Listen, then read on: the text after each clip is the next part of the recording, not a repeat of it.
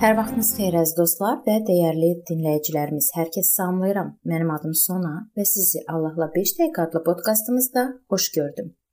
Bu 2 gün mən sizinlə tənbəlin zəmisi haqqında danışmaq istəyirəm. Çoxumuz tənbəlliyə meylliyik. Yəqin ki, valideynlərimizin tənbəlliyimizə qalib gəlməkdə kömək etmələri ilə bağlı hər birimizin xatirələrimiz var. O zaman onlar bizim üçün müəyyən çərçivələr cızırdılar, xatırlatmalar edirdilər Zərurət yarananda isə bunları fiziki cəzalandırmaqla möhkəmləndirirdilər. İndi çalışqan olmağı öyrənə bilməyən adamları müşahidə edəndə, hələ uşaq olanda bizə faydalı vərdişləri və əməyə sevgini aşılayan yaxınlarımızı minnətdarlıqla xatırlayırıq. Bizim məqsədimiz ətrafda ən gözəl ev və ya həyətimiz deyil, lakin səliqəli mülk ətrafdakılar üçün xoş və vacib məsələdir. Bizə məxsus olanı zəhmət çəkib səliqəyə saxlamağımız qonşularımıza bizim ixtiyarımıza verilən Allahın ənamlarına dəyər verdiyimizi göstərir.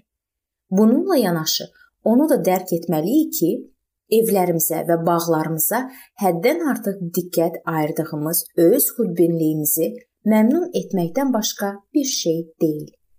Başqa sözlə, biz Allahın bizə əmanət etdiyi sərvətdən şəxsi maraqlarımız üçün istifadə edirik. Bu sərvəti müəyyən ehtiyacları və çətinlikləri olan bacı və qardaşlarımızın rifahı üçün istifadə etmək yaxşı olmazdımı? Bizim mülkiyyətimizdə olan şeylər səliqəsiz və pinti vəziyyətdə olmamalıdır.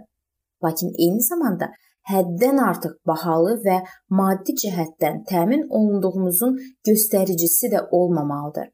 Allah istəyir ki, maddi rifahımızın qayğısına qalaraq çox çalışaq, lakin qəlbimizin dəyəri maddi yox, əbədi şeylər olmalıdır. Süleymanın məsələləri 24-cü fəsil 30-34-cü ayələrdə Süleyman danışır ki, bir gün tənbəlin zəmisinin yanından keçirmiş Görüb ki, hər yanı tikan basıb, gicitkən bürüyüb. Bir çox hallarda alaq otu basmış sahələr, bağlar və ya həyətlərin yanından keçərkən onların sahiblərinin xarakteri haqqında asanlıqla fikir yürüdə bilərik. Əlbəttə, bu mülkün nə üçün bu vəziyyətdə olmasının səbəblərini bilə bilmərik. Lakin istər-istəməz düşünürük, doğrudanmı sahibi bu zəmidən əlini çəkib? Bəlkə onun həyata keçirə bilmədiyi böyük arzuları olub, bəlkə başı başqa bir işə qarışıb. Lakin istənilən halda yayın sonunda məhsul olacaq, lakin arzuladığı yox, başqa bir məhsul. Süleyman gördü ki, zəminin daş hasarı uçub. Avaralar və ya uldurlar istədikləri vaxt sərbəst şəkildə bu sahəyə girib çıxa bilərdilər. Əgər zəmi bu kimi ziyarətçilərin üzünə həmişə açıqdırsa, məhsula ciddi ziyan dəyə bilər. Onlar vurduqları zərərə layiq idilər, çünki yalnız öz xeyirlərini güdürlər. Allah hər birimizi əkib qorumalı olduğumuz zəmi ilə təmin edib. Biz əkinə hazırlamaq üçün torpağı şumlayıb daş kəsəkdən təmizləməliyik. Bizim şəxsi həyatımız bu zəminin bir hissəsidir. Qürurumuzun, özümüzə vurğunluğumuzun, azad ruhumuzun, xudbinliyimizin, qəzəbimizin, nifrətimizin, şikayətimizin və narazılığımızın, itaətsizliyimizin, şərəfsizliyimizin, hörmətsizliyimizin və tənbəlliyimizin gicitkən və tikanını qəlbimizin zəmisindən qoparmasaq, bir mənalı olaraq orada daha da uzanacaq. Belə tikan və gicitkənlərin gübrəyə və şuma ehtiyacları yoxdur. Onlar sizin səyiniz olmadan da çox yaxşı bitib böyüyəcəklər. Biz ruhun xeyirxah toxumlarını əkib becərməliyik.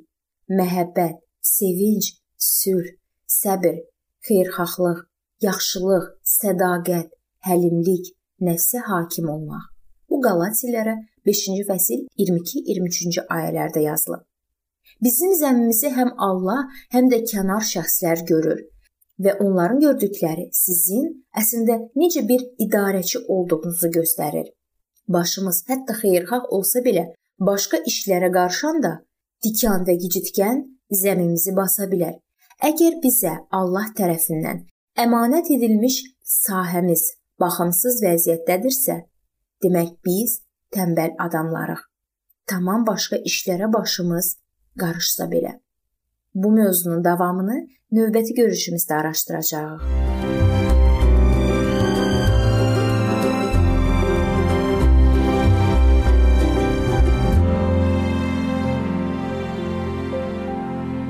Beləliklə əziz dostlar, bu mövzu burada sona çatdı.